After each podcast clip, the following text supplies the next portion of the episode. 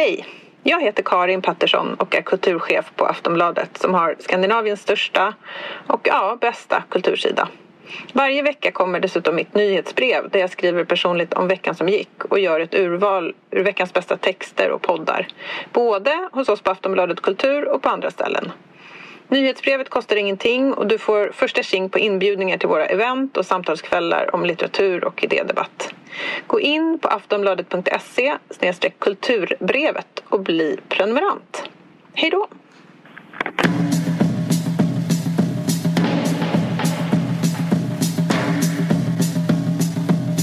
Eh, jo, nu börjar jag. Yes. Are you ready to rock? Ska jag? Are you ready to rock? I said! Jag förväntar mig nu att alla där hemma ställer sig upp och skriker så yes! Ja, men precis. Jo, nej men jag tänkte prata eh, om den här grejen med att ställa diagnos på killar som inte vill ha en. Att, eh, jag, tycker, jag har sett det så himla mycket nu i media. Så en jättevanlig grej nu med Putin. Att man, är, att man säger att han är en galenpanna. Att han är psykopat. Eh, och att han är dement. Att han har totalt har tappat det. Eh, och, eh, och att han är narcissist. Att han har Napoleonkomplex. Eh, men framför allt den här grejen typ som att han är helt sjuk i huvudet. Han, han är liksom... Irrationell. Han, han är irrationell. Ja, det, det. Mm. Eh, han är galen. Typ. Och så tar man bort ehm, hans eh, liksom förmåga att kanske tänka logiskt och ha en plan och eh, att allting är meningen med vad han gör. Och att han till och med vill eh, att det ska ske, det som han har utfört och det han håller på med. Och eh, jag känner igen det här från mina relationer. Kanske inte så mycket så längre, men när jag var lite yngre och umgicks mycket tjejgäng och sen så jag noterade många av mina singelkompisar ofta var så här när de blev dumpade. Jag har liksom kunnat Du pratar, om, du, pratar om, du pratar om mig nu så du kan bara liksom, du, du, du kan sluta cirkla runt det. Okej, dina horår. Nej, jag ska prata faktiskt inte om dig. Jag pratade liksom om eh, en, all, en allmän grej som går liksom ända tillbaka från ja, men typ till, från och med att man var 14 så liksom upplevde jag att jag umgicks på det sättet. Jag var med tjejkompisar och satt och pratade i timmar om hur någon var. Och då var den personen alltid, om den inte tyckte om den eh, liksom personen som tyckte om den, så var den alltid så, ah okej, men jag tror ehm, att han är psykopat. Och så satt ett helt tjejgäng och sa mm, Eller han har otrygg anknytning är ju en klassiker. Precis. Eh, sen jag tänkte komma till det. Sen så var det så att alla läste den här boken Hemligheten. Som handlar om olika, typ hur man hade det med sin, sin eh, ursprungsfamilj. Om man var ambivalent anknuten eller om man var otrygg anknuten eller om man var undvikande. Och då var det så, om någon inte ville ha en så var det så här, ah, han är undvikande, han har så undvikande anknytning. Det, jag förstår hela den grejen, jag vill inte reagera. Det är liksom för hårt att bara en psykiskt frisk person med liksom en rätt så normal barndom bara inte... It's not that into you. Liksom. Det är för jobbigt. Och så upplever jag lite med att det finns en slags genans, särskilt i början av den här ehm, av kriget, av eh, den ryska invasionen. Eh, Det första jag läste i DN var en sån otroligt lång psykologiserande text om hur Putin, hur svår barndom han hade. Nu har man gått i, i DN Kultur. Så nu har man gått över till att liksom prata om eh, andra grejer. Men liksom att eh, det handlar liksom väldigt mycket om så här, ah, men det var, de var så fattiga så nu så tar han igen. Jag ser det liksom som en mänsklig tendens för, för att liksom göra någonting obehagligt. Lite mer att man får kontroll över något som är liksom egentligen okontrollerbart och liksom mer fruktansvärt eh, än man kanske vill erkänna. Och sen så just den här grejen också att man kanske börjar med stjärntecken väldigt mycket. Ja, nu har inte jag läst än någonting, för det kanske har för låg status med Putins stjärntecken. Eh, Men, men det är också typ en grej som man har som förklaringsmodell varför, ingen, varför man inte blir älskad. kan ju vara ett stjärntecken. Det är ju rätt så kul, för Putin är ju våg. Alltså, och det är ju att eh, vågen är ju känd för att den är så himla balanserad och diplomatisk och verkligen har så här, sinne för rättvisa och lag och rätt och så. Men, ehm, eh, så att det är ju, det är ju liksom... ehm, eh, eh, s- samtidigt så, så finns det ju en slags eh, sak som kan hända med vågen och det är det här att vågen slår över. Att vågen, Okej. att vågen eh, får en... eh, så ska jag tolka det astrologiskt så, så är det nog att han ehm, har eh, upplevt sin, sitt sinne för rättvisa kränkt. Ehm, Ja. Och eh, att uh, NATO-utvidgningen har skett på bekostnad av vad, man har, vad, han har, vad de har kommit överens om med honom. Och därför har han slagit över. Det ska kunna vara en astrologisk förklaring. Ja. Han, men... han har ju mycket sinne för, för rätt, eller om man säger så, sin egen rättvisa. ju, Men liksom att han, han, han har ju liksom varit väldigt långsint och liksom förgiftat i efterhand folk som har varit emot honom. Alltså, eh, även om det gått 16 år eller någonting så här, för att han, han upplever att någon eh, har orättvist eh, eh, bedömt honom eller något sånt där. Eh, Så att han är ju liksom, har varit väldigt så manisk med såna grejer. Alltså väldigt eh, långtgående sinne för rättvisa. Ja, men vilken bra... Ja, men för den har lite, det är för att du kanske har djupare kunskap om astrologi. För att den har varit lite utebliven, den analysen, den astrologiska analysen. För, för då kanske det är liksom... Ja, men en fattigmansperson som kan astrologi kanske skulle säga de är diplomater. Men du vet ju mer. Men, så, så det har liksom varit att... Eh, nej, men jag tycker liksom, jag vill inte klanka ner på det här. Jag tycker det finns liksom gulligt, vad ska man säga, varmt, mänskligt i att liksom Eh, tycker att samtidigt den är så smärtsam så att man... Eh, jag, jag, jag ser tillbaka till de här samtalen jag haft med de här tjejkompisarna när man i timmar pratat om någon som kanske inte ringer tillbaka eller svarar på sms och sen så bara pratar jättemycket om det. Ja, men undvikande anknytning eller liksom narcissist eller något sånt där. Men hur som helst så hörde jag en intervju på eh, podden The Daily. Det var eh, från Ezra Klein show som de hade klippt in där så intervjuades ehm, en utrikesrådgivare. Hon har varit för i tre, de tre sista presidenterna, Bush, Obama och Trump, har hon varit eh, rådgivare för utrikesfrågor. Hon heter Fiona Hill. Och jag tycker det är så intressant för Ezra Klein frågade själv typ de här frågorna. Är han typ min favorit är dement, för den är så himla ro- alltså jag vet inte, jag tycker den är så lite kul. Men, är han- Långtidscovid har ju varit en teori också. Att han haft så här, men jag vet inte om, om det är ett symptom på långtidscovid att man invaderar ett annat land. Men att Ja, han skulle ha blivit liksom tokig av långtidscovid. Um, har Fast symptomen att säga långtidscovid är ju liksom symptom på att allting, att typ så här diagnos... Vad som alltså, helst går. liksom, bara han, han kan inte liksom göra det här med brått mod. Men det var intressant för hon hade ju så här riktig kunskap om, om vem han är och liksom jobbat med honom och träffat honom. Hon har suttit runt det där jättelånga bordet Mm. med honom jätt- jättemånga gånger. Och hon berättade, så det var liksom som att man fick träffa eh, den alltså, tjejbossen, alltså den liksom, personen som verkligen kunde ställa så upp personlig diagnos på honom. Och hon framhöll, eh, Fiona Hill, i den här intervjun att han har fyra statyer i det där rummet med långt bord. Eh, och eh, hennes då tjejtake, eller vad man ska kalla det, liksom, är att Putin vill vara Catherine the Great. Eh, och återupprepa Alltså hon har ju, det är ju en kvalificerad gissning eftersom det kommer från hon och det är en rätt bra gissning att han, han vill återupprepa det eh, ryska imperiet. Eh, och i den, eh, det rummet har han också en, eh, en staty på Peter den store som var hennes svärfar. Eh, och sådär. Och eh, hon då kom med en verkligen en tjusig sån diagnos och det är att han har eh, Jerusalem, Jerusalem-syndromet. Känner du till det? Nej. Has the Jerusalem syndrome. Ja, men det tycker jag är så spännande. Då är det liksom att han tror att han är Katarina den stora på samma sätt som människor, turister som åker till Jerusalem kan tro att de är Maria Magdalena till exempel. Wow. Eller, eh, Eller Jesus. Eh, Ja, Jesus. Fast Jesus är liksom mer som en sån... det, är inte, det är fler som tror att de är Johannes döpare och Maria Magdalena. Och, de, de tror att de, att de är en random karaktär från, för att de är på en sån laddad plats.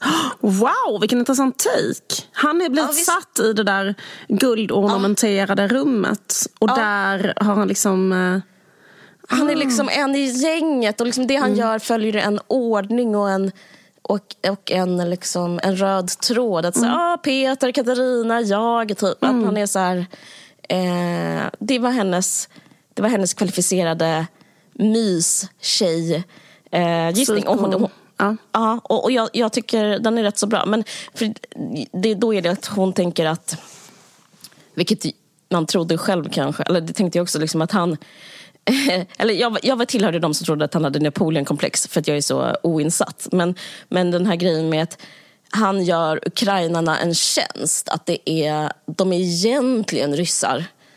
Liksom.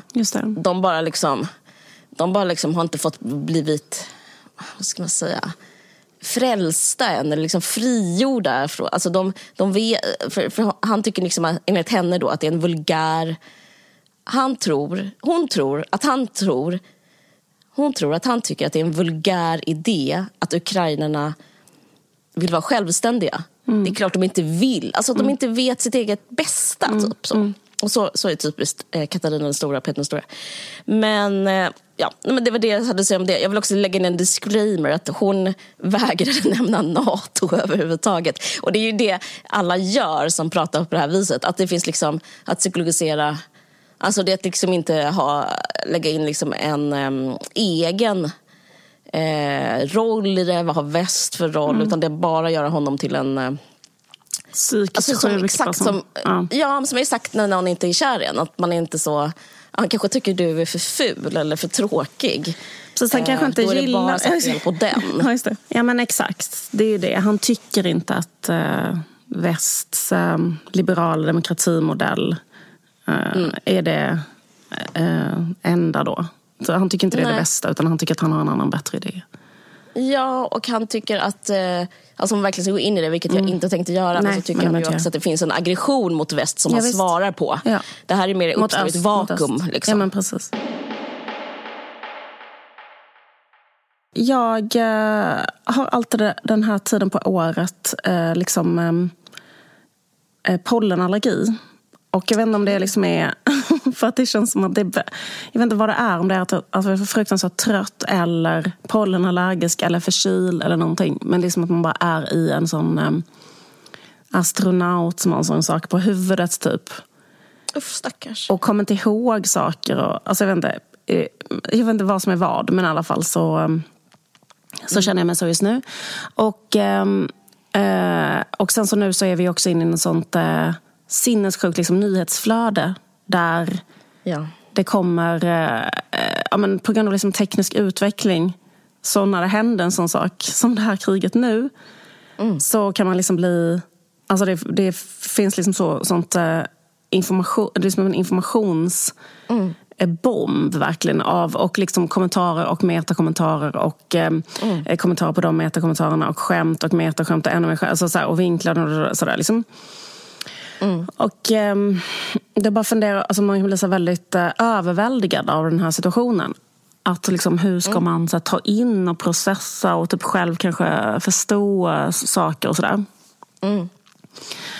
Och så tänkte jag på um, vad som är den absoluta motpolen mm. till den här typen av att få information på det här sättet.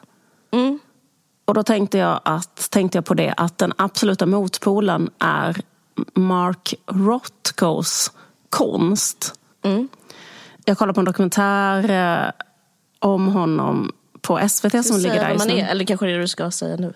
Eh, han är en eh, amerikansk konstnär som... Mm. Faktum är att han är född i Ryssland. Alltså i Lettland, mm. som då var Ryssland. Ja. Mm. Och var jude och han, det fanns ju fruktansvärt mycket antisemitism mot judar i Ryssland. Eh, för det var jättemånga judar som eh, just under den här epoken, var så pogromer som var mm. under första delen av, alltså under det första decenniet av 1900-talet. Det mm. var typ någon fruktansvärd pogrom i Moldavien och sen var det liksom i um, liksom, eh, ja, i flera av de här länderna. Så de var utsatta för så jävla mycket förföljelse. Så då migrerade typ 2,5 miljon eh, ryska judar till USA. Mm. Um, och um, bland annat hans familj. Och de kom till Oregon. Och, uh, då, uh, och han är född 1909. Mm. Och han hette egentligen Marcus Rotkowitz.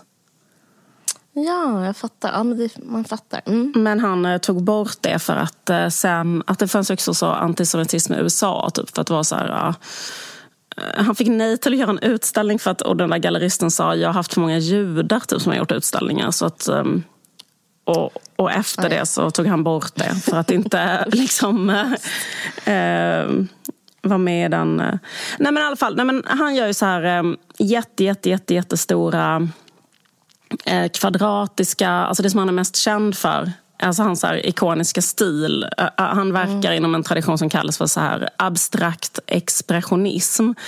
Alltså mm. att man uh, expressivt visar uh, någonting väldigt expressivt men det är abstrakt konst. Liksom. Mm. Eh, andra exempel som man kanske känner till är så Jackson Pollock är en annan person som var jättekänd för den här slags konstriktningen som uppstod liksom i USA på 40-talet. Alltså den här då... Um, uh, Willem de Kooning är annat, ett annat exempel som är jättekänd. Men i alla fall, men, men hans grej som han är känd för är att han har gjort så här, uh, nästan bara liksom uh, fyrkantiga eller geometriska färgblock. Som är målade i väldigt, väldigt um, jätte, jätte, jätte, jätte, jätte, jättemånga jätte, jätte, jätte tunna lager. Så det är så här, enorm effekt i bilderna. Så att de är så här, alltså det är liksom en, eh, en, en väldigt, väldigt, väldigt enkel form som nästan bara kommunicerar med sina färger. typ. Mm, så färgfält. Liksom. Det är färgfält, exakt. Mm. Och eh, det sjuka är att jag kommer ihåg att jag när jag var 19 så var jag i Madrid. Eh, mm. Eh, för jag pluggade spanska det första jag gjorde efter gymnasiet. Och då pluggade jag i en stad som heter Salamanca. Alltså bara pluggade CSN-semester som det kallas. Mm. Eh, och då, men av någon anledning så åkte jag till Madrid, Madrid en dag och då var jag där och då gick jag in på det här eh, museet för modern konst i, i eh, Madrid som heter Reina Sofia. Mm. Och, där, och då, för det är så coolt med konstnärer som är så jävla kända och de är liksom kända av en anledning. Alltså typ att jag kände inte, till, kände inte till honom då alls. Så jag bara drev omkring i det här museet. Och sen var det bara en bild som jag bara så magnetiskt bara ville gå till hela tiden. Och sen så ville jag bara sitta där på den bänken framför den bilden. Det var, underbart. det var så jävla underbart. Det är liksom en av mina så här första så riktigt, riktigt liksom starka så här konstupplevelser. Mm. Och det är en bild som han har gjort som hänger där.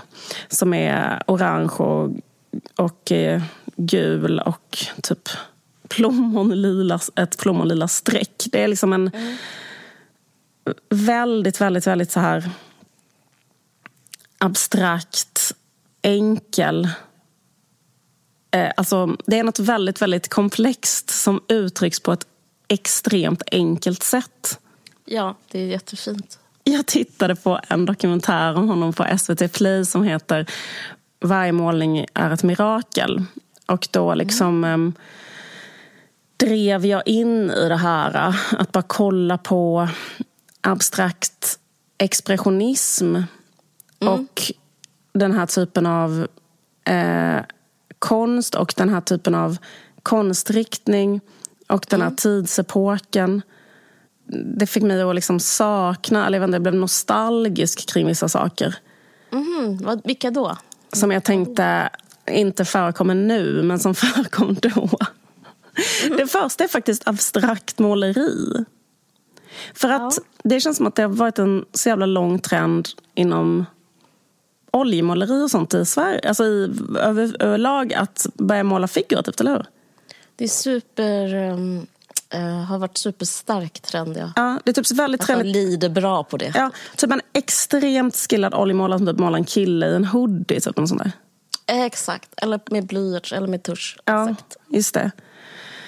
Um, och uh, då kände jag så här, nej, jag längtar efter så här riktigt, riktigt bra abstrakt måleri. Ja, det är så jävla liksom um, för det känns som att så här, också att man typ längtar efter det där. Alltså för det är på något sätt motsatsen till allt annat. Också när man själv känner sig misslyckad tycker jag, med sitt eget uttryck så tycker jag liksom att det sämsta sättet att beskriva det man själv sysslar med det är typ att man beskriver någonting som egentligen är jätteenkelt på typ ett extremt komplicerat omständigt sätt.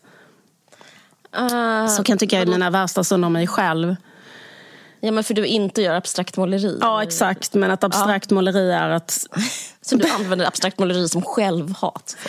det är liksom som en, det är liksom som, blir som en spegelbild. Att försöka förklara någonting ja. som är för svårt för att förklara. ja. Men eh, ja, så det, jag saknar tre saker. Det här var bara den listan. då. Det ja. första jag saknar är piss, bra abstrakt måleri. Mm. Det finns ju vissa som gör abstrakt måleri som är så jävla dåligt. Och det blir man ju bara deprimerad av. Det är nästan det värsta som finns. Dåligt abstrakt ja. måleri. Ja. Um, det är helt fruktansvärt. Därför att det är så himla himla svårt. Det är nästan det svåraste man kan göra. Alltså att göra mm. bra abstrakt måleri. Det är så fruktansvärt svårt. Mm. Och nästan ingen kan göra det. Men mm. när någon kan göra det så är det nästan bättre än all annan konst. Verkligen. Den andra saken som jag saknade det var, det var att eh, det finns en berättelse i den här, i den här dokumentären. Mm. För han var ju då, dels var han, så, han var så jävla fattig när han kom till USA självklart. Mm, mm, mm. eh, och sen var han jättefattig för att han blev inte alls erkänd för sin konst. Eh, han blev det när han var 50. Det tycker jag också var väldigt inspirerande. Oh, Gud, jag älskar sånt. Det är så ja. skönt att höra. Tycker jag. Han hittade typ inte riktigt sitt uttryck förrän han var 50. Då började han göra den här eh, typen av bilder. Innan hade han ja. hållit på att försöka göra massa andra saker. Men de blev... Han, eh, han var ju liksom... Alltså, ja, han var ju också immigrant och var liksom hela sitt liv väldigt påverkad av att han inte var i sitt... Alltså, liksom han led av saker som hade hänt såklart. Ja, han var och inte eh, han var som fisken i vattnet. Nej, och han var väldigt deprimerad och ja. led av jättemycket psykiska... Alltså han hade alltså, depression och han tog livet av sig sen när han var 61. Aha. Men i alla fall så, ehm, så, så var han också socialist. Ja. Och eh, en sak som eh, man saknar idag där är nostalgisk prata. eh, saknar abstrakt konst, saknar en socialist som mm. lever som den lär. Nej, men ja, för då var det att eh, han eh, hade fått en... Eh, han fick ett uppdrag så här, för att eh, de skulle inleda, eh, vet det, de skulle inviga en extremt lyxig restaurang i New York, Four Seasons. Mm, och då så um, fick han liksom uppdraget att göra väggmålningar till hela den restaurangen. Och mm. eh, då fick han eh, så himla mycket pengar för det. Som var då, mm. eh, och han hade jättedåligt med pengar. Så då var det, liksom det, det, typ den högsta summan som någon konstnär någonsin hade blivit erbjuden liksom dittills. Nu är det inte så mycket, men på 50-talet var det jättemycket. Det var så 35 000 dollar mm. som han skulle få för att göra de här väggmålningarna. Då. Uh, och då så uh, sa han först ja till det och så började han göra alla målningarna och så. Och sen 1959 så hade liksom restaurangen öppnat och då så bjöd de liksom honom och hans fru att de skulle gå dit och äta. Liksom, bara för att ja, han håller på att göra de här målningarna. Liksom. Mm. Och då när han var på restaurangen så fick han så fruktansvärd ångest av så hur restaurangen var, hur de människorna var, hur den maten var. Eh, att det var så brackigt. Eh, och ja. att eh, han kände att han hatade de här människorna och hela det här eh, sammanhanget. Så då liksom ehm, ringde han till eh, sin uppdragsgivare och ehm, ja, de spelar upp ett klipp här från en dramatisering av eh, vad han säger till sin uppdragsgivare. Jag ska bara spela upp för dig. Mm. Listen. I went to the restaurant last night, and let me tell you, anyone who eats that kind of food for that kind of money in that kind of joint will never look at a painting of mine. now, I, I'm sending the money back and I'm keeping the pictures. ja, det här var från en pjäs som jag är från hans liv. Men i alla fall, det var en sak som jag saknade, någon som kunde säga nej till pengar. Så här. Ja. Så, har du sett Hanna och hennes systrar? Med när Max von Sydow, jag tror att det är baserat på Mark Rothko. Eh, den där må, han är målare. Ah, Och då så- okej. Jag visste så inte att det var baserat på honom. Mm. Nej, men jag, det är bara jag som tror det nu. Alltså, som, som, då, då säger han så här, eh, för då kommer det typ en reklamare. Jag älskar också den, gam, den gamla sättet att beskriva världen. Reklamare är onda, konstnärer är bra. Eh, och då säger reklamare, um, I, want a big, I want a big painting over my, uh, over my sofa. Och då får Max von Sydow, han spelar jättebra, för sånt jävla spel och bara skriker I don't sell art by the meter. Ehm, och så är dealen off, fast han också skulle få jättemycket pengar. Det, det är också så här katarsis att se det. Liksom. Nej, men det var ju typ hans, första, hans största problem. Att han blev så himla liksom, uppskattad av alla. Och sen så ville folk beställa så här, en, en målning i en viss färg som skulle passa deras inredning. Och så kom de till honom med färgprover och sånt. Och han blev liksom helt galen. Han hade ju liksom en... Ehm, slags andlig, eller jag menar, han hade ju en fruktansvärt djup inställning till sin egen konst. Och det sista han gjorde var ju typ att han, gjorde, han inredde liksom ett kapell eh, Där han bara gjorde målningar som var i nästan, de är nästan svarta allihopa. För de är bara, alltså de är eller mörk, mörk, mörk gråa och typ mörk, mörk, mörk, mörk lila. Så liksom enormt många målningar som nästan bara är svarta fast liksom jättemycket, eller extremt mörkgråa. Fast det är jättemånga olika nyanser då liksom. Just det, mm, jag vet vilka det är. Ja, precis. Men då liksom, liksom att han ville bara... Liksom att man ska typ så gå in i ett kapell och sitta där och så ska det vara typ så här åtta, tio eh, Eh, nästan helt svarta målningar som man ska sitta och titta på. Eller mörkare. Um, Okej, jag ska bara ta den sista saken som jag blev nostalgisk kring. Hans pappa, eller hans eh, son eh, Christopher Rothko berättar hur han minns sina föräldrar. Och då berättar han att mm, nästan det enda han minns av dem var, var det här då. My primary memories of them are sitting in bed, reading the paper, always smoking. Always smoking. And their sheets had multiple, multiple cigarette burns and holes in them. It's, uh, uh, it just, it's like that's literally burned into my memory. Om det här barndomsminnet har man inte så ofta längre. Så mitt primary memory av mina föräldrar är att de satt i sängen och rökte hela tiden. Och att de hade sån här cigaretthål eh, i sina eh, lakan. Jag blev, blev nostalgisk kring eh, eh, rökande föräldrar. Ja, det, det, kommer inte, det är inte vanligt. Det kommer, kommer det komma tillbaka de här grejerna? Riktig socialism, föräldrar som röker och eh, abstrakt konst. Abstrakt konst inte. kanske. Jag tror Ja. abstrakt konst kanske har, har bäst chans av de tre.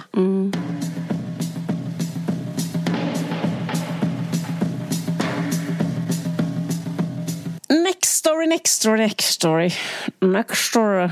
Jag, jag börjar sluddra nu, men ni, ni vet vad jag menar. För att eh, det här är en gammal vän till en varje slags podd. Next story. bästa Ljudbokstjänst som har varit med och gjort den här podden möjlig i åratal.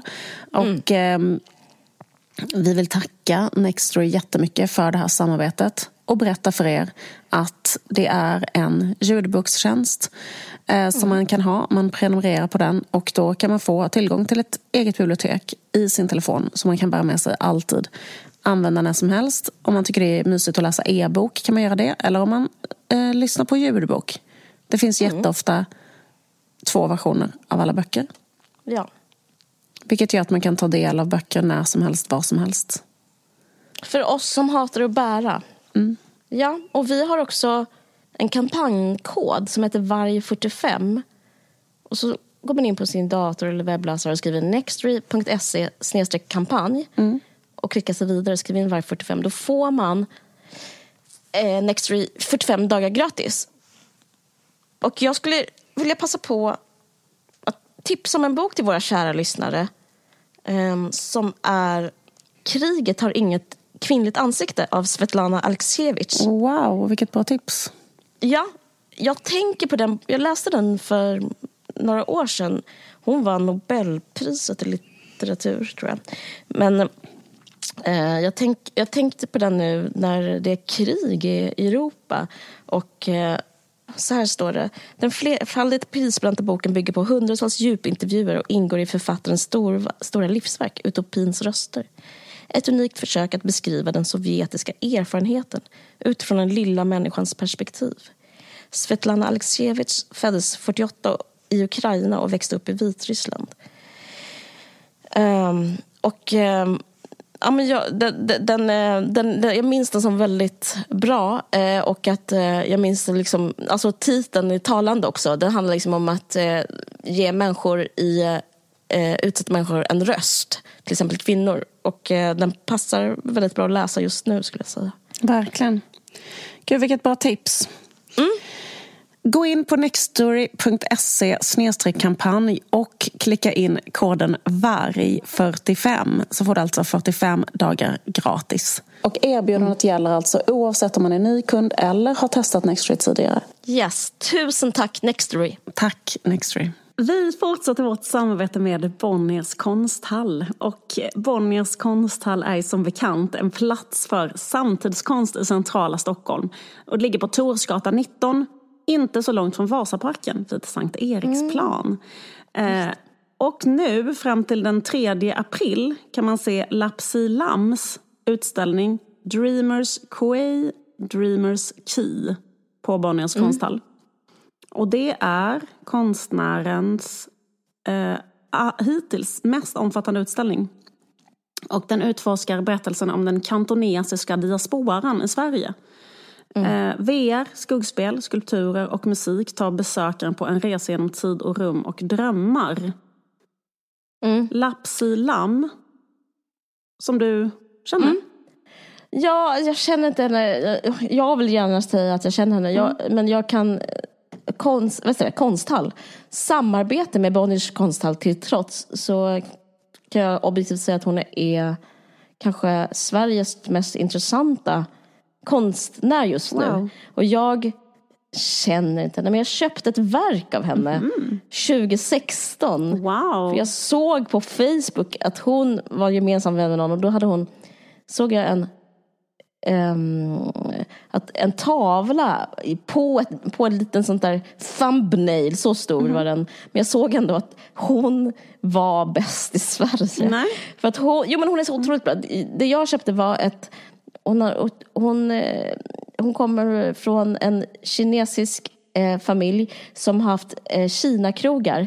Och eh, hon fotograferar de här Kina-krogarna liksom off hours och backstage kan man säga. Och, även liksom, eh, och sen så tryckte hon upp det på sidentyg. Och det blev så otroligt vackert och drömskt, precis som de säger. Alltså precis som de säger att det ska vara här. Ehm, och det är liksom den här, den här rumsliga och eh, vackra miljön som får en att tänka på... Jag, jag tänker lite på så här Kurismäki och eh, Tarkovsky när jag tänker på hennes verk. Alltså hon är väldigt ordlös men väldigt berättande. Eh, och, och också otroligt vackra grejer. Och så otroligt liksom, eh, och så, det är helt fantastiskt. Och jag, eh, ja, jag har sett bilder från den här utställningen och jag vill jättegärna gå. SvD Eh, skriver så här. Eh, Lapsilams stora installation på Bonniers konsthall trollbinder med sin komplexitet, poetiska Ja, gör det. skönhet och sitt omsorgsfulla utförande. Och det ser supervackert ut på den här bilden. Gud vad kul! Ja, Gå men det är också helt eget. Alltså det är så fett att bara komma på ett eget uttryck och bara köra in i kaklet på det. Mm. Eh, gå och se fram till 3 april, Dreamers Cay på Bonniers konsthall, Torsgatan eh, 19. Ja, och eh, på fredagar är det gratis så liksom, det finns ingenting att tänka på. Det är bara att gå dit. Helt underbart. Tack så jättemycket för det här samarbetet, Bonniers konsthall. Tack! Vet att eh, vad heter det, Grimes har fått eh, nytt barn med Elon Musk? Va? Ja, Det visste via inte jag. surrogat. Va? Du skämtar med mig? Nej, men det, det var lite likadant hon sa att hon tyckte det var så jobbigt att vara gravid. Alltså hon orkade inte ens säga typ att hon hade en hyperemesis som typ, eh, eller du vet något sånt. Ja, ja, Hon till- hon kan ta sitta på en "Min- rosa." My back hurt, typ så mycket. Men eh, jag tror inte att de var så bra liksom, vänner. Alltså, Nej. för sig, jag, jag, jag, förstår, jag förstår, för de är så inne på sci-fi. De är liksom inne på att breeda på ett annat sätt. Och även om de inte är ihop. Och, Mm, bra. Det inte alltså, det är liksom en... Ja, ehm, Just det. det är som men jag en- tror de var ihop då faktiskt, när de gjorde Ja, det. okej, Nu har de okej. gjort slut. Eh, men alltså, och efter de gjorde slut så sågs ju hon läsa, satt på asfalt och läste Das Kapital, Just alltså det. Mm. av Marx. Och Och då tänkte jag så här, att hon, måste inte, hon, hon kan inte ha förstått någonting av den. Det är så himla så... Nej. Eh, eller, alltså, eller så tolkar hon den helt fel. Alltså typ att någon annan ska bära hennes barn. Hon kanske tänkte så här, resurserna fördelas rättvist bland folk. Alltså, det är ju hans sentens. Va, i den. Absolut. Det var väldigt kul. Så att hon, jag tyckte det var förtjänta likes. Men sen så kände jag liksom, när jag hörde det så blev jag så, ah, du är inte alls socialist. Du vill bara typ äga att andra människor ska typ eh, jobba du håller på med trafficking. Ja. Typ. Det är jättetråkigt. Ja. Men sen så gjorde- hon slut med eh, Elon Musk. Mm. Eh, och det här tycker jag är intressant ur ett marxistiskt perspektiv. Och blev ihop med Chelsea Manning. What? Nej, jag skojar inte. Alltså, du vet, gamla Wikileaks-personen. Jag fattar liksom inte hur hon träffar de här människorna. För det känns som att hon typ sitter på internet och, och liksom typ så här, hittar människor som... För att hon kan ju inte ha liksom några naturliga träffytor vare sig med Elon Musk eller med Chelsea. Ännu mindre med Chelsea. Och också att hon, Chelsea Manning, hon har levt liksom eh, under skyddad identitet på skyddad adress. Eh, Så det är liksom extra svårt. Alltså, hon liksom internationellt eftersökt. Nej, men jag tycker, det tycker jag, då börjar jag tänka på den här Marx igen. För då kanske liksom hon har en, alltså Grimes kanske har en jättelångtgående plan att föra in pengar i Wikileaks. Liksom. Eller, och liksom omstörta hela staten. För det är ju USA rädda för. Via sitt eh, child support som hon kommer få Ja. av Elon Musk. Ja, Just det. look at her. Wow, här har vi någon som gör något. Verkligen. Så du tror inte, Och- så du tror inte att, att bli ihop med Chelsea Manning är inte bara motsvarande till att ta ett foto när du läser Das Kapital? Alltså det är inte hennes nya såna grej? Vet du vad? Helgen, vänta, helgen. Medlen helgar ändamålet. Ja, det kanske är det. Men she fooled me. Och, eh, och sen så det kanske liksom någon... Nej, men jag vet inte om det var, eh, om det var vet du, Julian Assange eller om det var Chelsea Manning som, som eh, avslöjade det som hände i Irak. Men det kanske var... Jag vet inte vad Chelsea Manning exakt har gjort i Wik- Wikileaks. Men, jag menar, men eller så håller Elon Musk och Grimes på att rädda världen just nu. För Elon Musk det här är ju också jättespännande att han har ett projekt i rymden, det känner du säkert till. Ja. Ja. Och det projektet är... det är så roligt, för det är bevis på att jag umgås med min pojkvän, för att annars hade jag inte alls vetat det här. Eh, det är att han ska förse världen från rymden med internet. Visste du det? Nej. Nej, eller hur? Det är sånt man inte vet själv. Men, men då är det det. Och då skrev någon på Twitter, för att eh, Ryssland eh, slog ut internet i Ukraina. Okej, så, ma- så mycket snack om det här med internet från rymden. Fixa det då till Ukraina. Ja. Och då Tio fixar det. minuter senare kom en tweet. It's done. Och nu har hela Ukraina internet. Så att liksom, vad händer? Ja. Från rymden. Wifi från rymden. Gud. Ja. Så egentligen kanske liksom både Grimes och Elon Musk i, är i en maskopi att liksom rädda världen på ett jättelångtgående plan. Och den där lilla, de där barnen är med i deras projekt. Jag vet inte, men from where I stand så låter det typ så. Ja. Jag är helt chockad. Men det makes sense att det är en surrogatmamma. För det gamla det, det andra barnet är väl bara knappt ett, typ, eller? Det känns som det föddes Ja. för så länge sedan. Men jag tycker han är lite creepy för att han har så jävla många barn. Att eh, det är någon konstig grej det där att... Och då har han fler än dem. Ja, han har typ sju barn med sin förra fru. Alltså, han har typ, ja, han har så fruktansvärt många barn. Han har varit gift med någon kvinna innan. Ehm, Det talar för att han är um, narcissist. Ja, ja. Alltså, han är ju helt megaloman. Precis. Ehm. Och då kanske han känner sig utmanad av Putin. Säkert. Alltså han vill ju vara liksom så här big boys club person och liksom styra världen tillsammans med, vad heter han nu, grundaren till Amazon. Bezos. Ja precis, de har ju sånt krig om vem som ska hinna till rymden först. Jättebarnsligt. Ja, Ja. hemskt. Jag tror inte de kommer rädda världen. Inte jag heller. Nej, det vet Inte jag jag. Men. Det är bara en teori av många. nej men jag har sett en film som eh, den nya Pixar-filmen. Det är som att jag tror att det finns en efterfrågan på att jag ska recensera barnkultur. Mm. men i alla fall. det är verkligen den här memen. Ingen, eh, kolon, jag. Eh, det kommit en ny Pixar-film. Som heter... Undrar vad verkligen vad Caroline Ringskog Ferrada-Nåle tycker om den här nya Pixar-filmen. Så tänker jag varje gång jag liksom slår på en ny rulle med Disney barnfilm. Men du, vad är det för film? jag, jag ser filmerna som ett sånt skönhetsråd. Alltså jag, jag måste se filmen och innan jag kan visa det för mina barn. Det är därför jag ser dem själva först.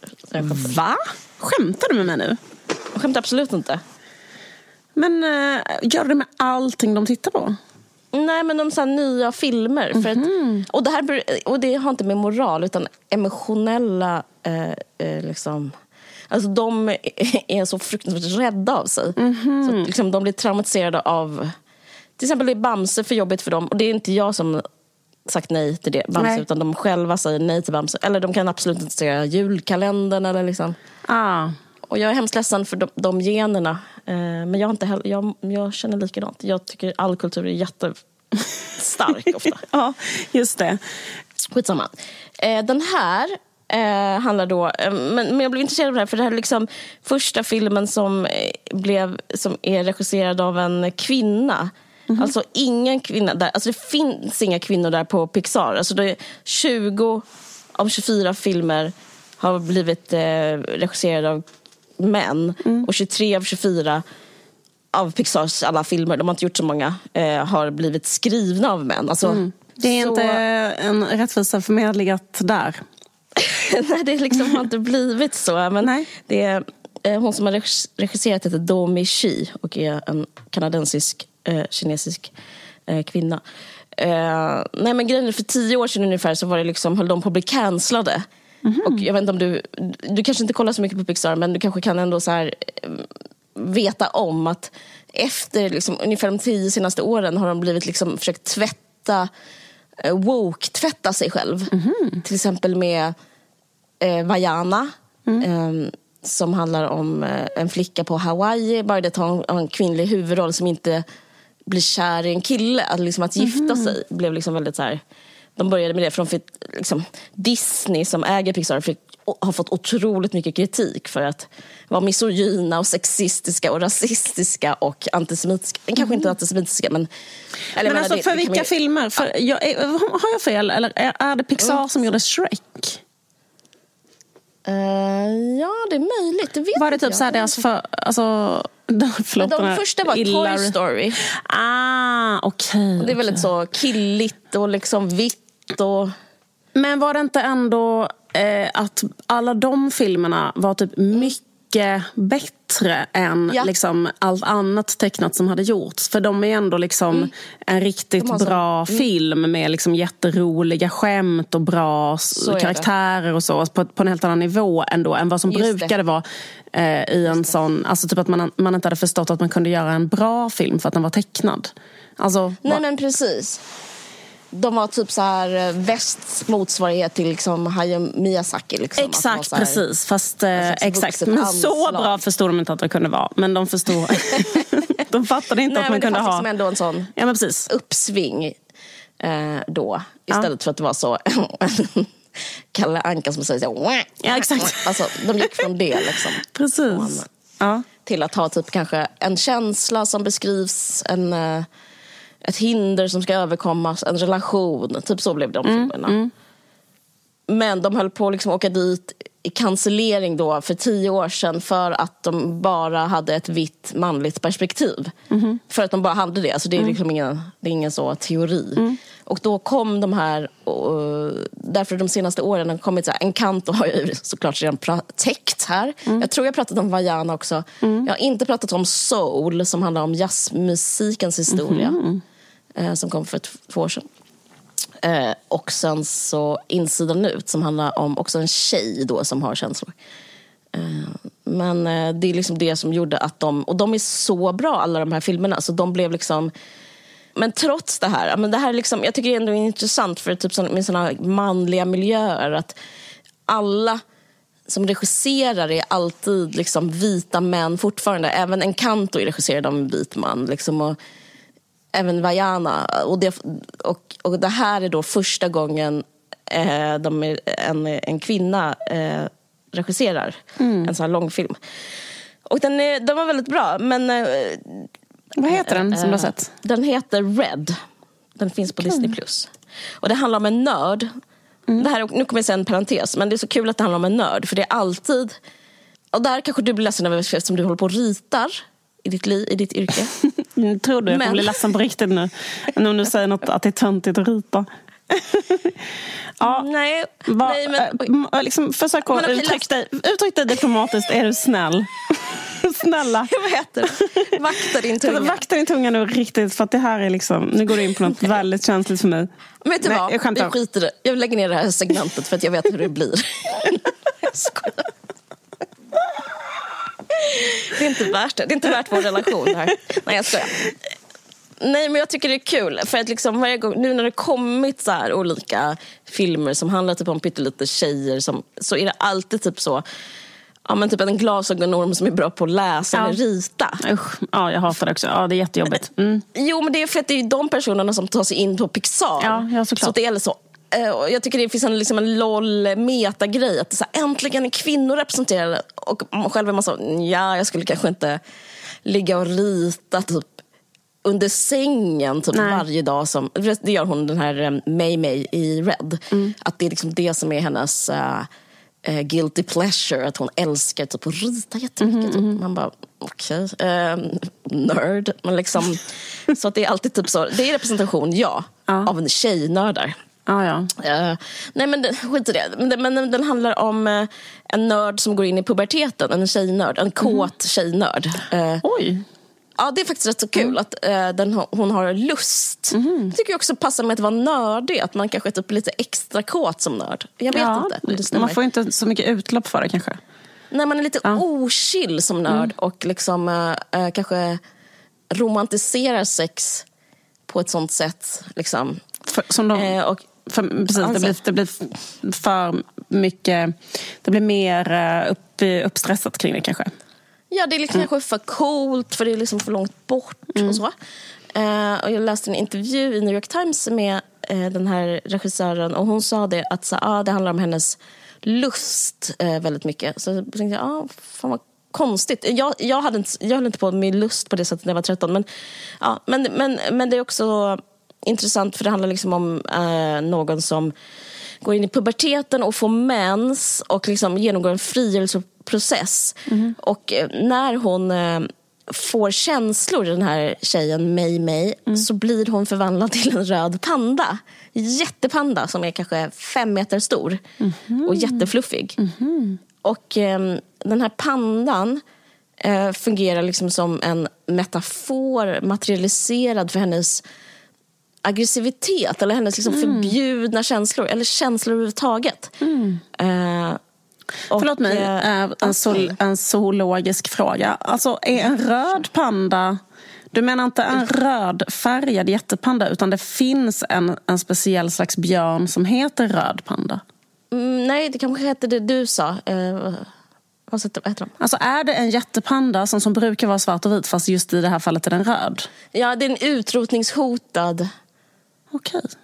röd jättepanda. Jag kan Okej. posta en bild. Jag vet inte exakt vad den heter. Men eh, det handlar... Jag bara tänker på hur det var när man själv var liten. Alltså, om jag skulle se den här filmen när jag var liten skulle det betyda så otroligt mycket för mig. Alltså när jag var liten och, så, och, och 13 och skulle liksom se en film och, och liksom kunna spegla mig liksom become, becoming of, age, becoming a woman, hela den grejen. Det, det jag, ju- jag minns att jag gick och såg på um, Simrishamns biograf gick och såg Pretty Woman som handlar om en, o, en lycklig hora. Eh, och sen såg jag ett oanständigt förslag där Demi Moore blir såld av sin man. Och sen såg jag Bodyguard som är så Stockholmssyndromet där hon blir kär i sin vakt.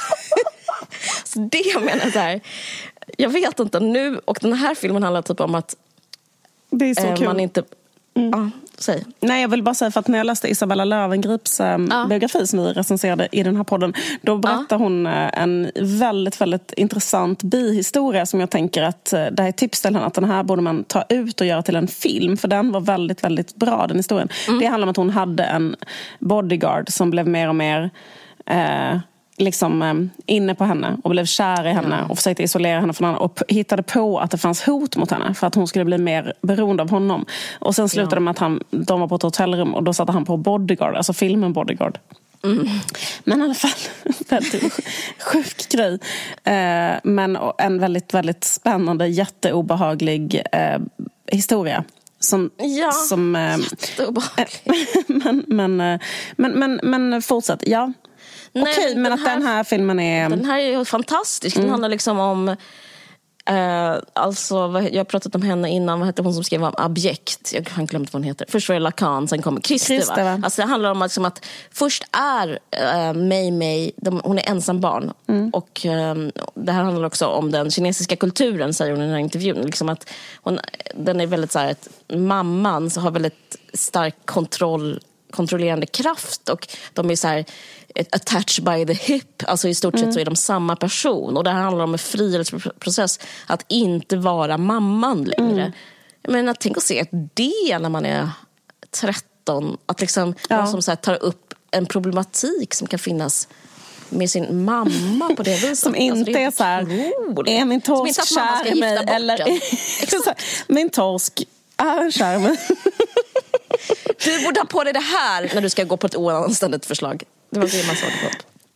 Nej men alltså, an, an, nej men det är liksom helt otroligt. Och eh, det handlar också om att så här, i, i den här liksom kinesiska kulturen och liksom kanske kulturen överlag om så, här, så handlar det om att ett ideal är att behärska sina känslor och mamman vill, eh, som är spelad av Sandra Oh, eh, väldigt bra, eh, att hon, bara ska, att hon inte ska kunna ha några känslor inför någonting. Och eh, hon ska kunna kontrollera den här pandan då. För varje gång hon har känslor blir hon en panda. Och för att hon ska slippa bli en panda så får hon liksom inte reagera på någonting. Inte gulliga grejer, inte hemska grejer, inte bli arg. Och det är liksom en beskrivning, tycker jag, väldigt bra av kvinnorollen. Eh, som är att man ska liksom förminska sig själv mycket och särskilt så här flickrollen. Ehm, nej men det, det, och sen så är det som att hon, ehm, den här lilla flickan bestämmer sig för att istället för att så avsäga sig pandan, alltså negativa känslor, välkomna pandan, lever med pandan och typ acceptera aggressivitet och mörker som en del av sin person. Och då liksom kommer det fram att mammans trauma, att hon också var tvungen att göra det när hon var barn, att mm. förtrycka sig själv. Nej men det är superbra, liksom. det är jätte, jättebra. Uh, ja. Uh, Guardian kallade den This uplifting tale of menstruation, friendship and embracing change. Han fick fyra av femma där. Det är också kul, liksom med, apropå dig och att göra menskonst och sådär, att hur mens är liksom beskrivet här. Att det är liksom beskrivet på ett helt annat sätt. Väldigt så avproblematiserat och inte... För mens i typ så här, eh, filmer har alltid varit som en sån... Även om det kanske inte är så, så är det liksom som att man gjort det till en sån jättestor grej. Men här är det liksom beskrivet otraumatiskt. Det tycker jag var rätt så... Eh, det bara liksom händer i en tjejs liv. På ett, eh, det, jag skulle också tycka om att se det. Ja, verkligen. Ja. Um, ja, vad intressant. Jag tycker det är så, för jag eh, liksom försöker ibland kolla på filmer, apropå hur sjuka filmer var när vi var små. Ja. Ja. För jag försöker ibland kolla på filmer, med, med min, med, eller filmer som jag kommer ihåg var typ stora, eller jag minns dem som att det här var en bra film liksom när jag var liten att titta på och visa dem för mina barn nu. Och må, alltså, det är så mycket, alltså de filmerna är så sjuka. Det finns, det finns nästan ingen film som inte bara har ett sånt jätte det finns, det finns alltid något för gubbarna. Alltså fattar du? Det är typ så att liksom, det finns inte en enda film som inte är så. Någon, Ja, måste, visa, någon måste visa pattarna och det måste vara en sån ehm, liksom ett sånt lager av så här, kåta gubbar måste få Ja. sitt. Eh, Det, det var liksom, känns som en sån primär grej man, man höll på med. Ja men det, verkligen, det var film. Det var ett, liksom vad filmen än handlade om så skulle Ja. någon eh, så här, eh, råka eh, dra upp sin topp och sen skulle någon... Alltså, det, alltså, det, liksom, det är så hela tiden. Det, och, och, och jätte, jätte, jättemycket eh, konstiga sexistiska skämt och... Eh, ja, det var, det var verkligen en annan tid. Man Verkligen. förstår eh, sig själv väldigt mycket när man ser det. Man förstår ju varför man blev en militant feminist. För att allting var ju helt sinnessjukt när jag var små. Alltså, när det gäller sådana saker. Alltså, Det verkligen. är bara... eh, Och just det, nu, man kan, man kan ju klaga på det nu att det, är så här, att det kan vara lite töntigt att det alltid ska vara så här, eh, i barnkultur nu. Att det är så här, en stark tjej som slåss och sånt. Alltså Man kan bli lite irriterad. Men Det, det här låter som att det här är bättre. För det här känns ju mer så här, Men ibland kan det vara en sån eh, liksom, mm, lite hastigt, eh, hastigt och lustigt sätt att göra det jämställt är att man gör så här en girlboss som är bättre än killar på att slåss. Typ så. Men i såna filmer som jag kollade på när jag var liten där är det så här, om du är med en tjej så kanske hon står bredvid och skriker och så kanske hennes kille säger till henne och Nej, men alltså det, det, det, är liksom, det, det är jätte, jättekonstigt. Mina barn frågade sig, det var en sån slagsmålscen där det var med en prinsessa och så gjorde inte hon någonting. Utan bara stod gallskräck bredvid. Och då frågade de så här, varför gör inte hon någonting? Varför hjälper inte hon till? För de är så vana vid att här, det är alltid så att tjejen också är jättebra på att slåss. Liksom. Men, ehm, s- men så var det ju inte då. Nej men precis. Nej men verkligen inte. Det bara stod liksom- gallskräck på en sten typ, bredvid. Ja, man fick liksom ta, eh, ta vad man fick.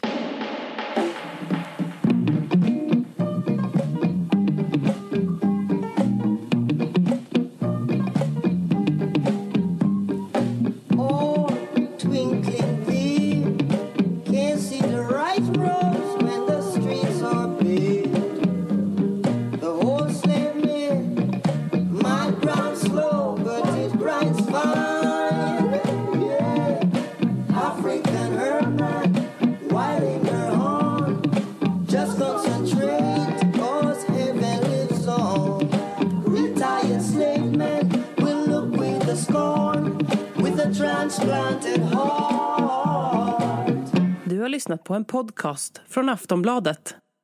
Ansvarig utgivare är Lena K Samuelsson.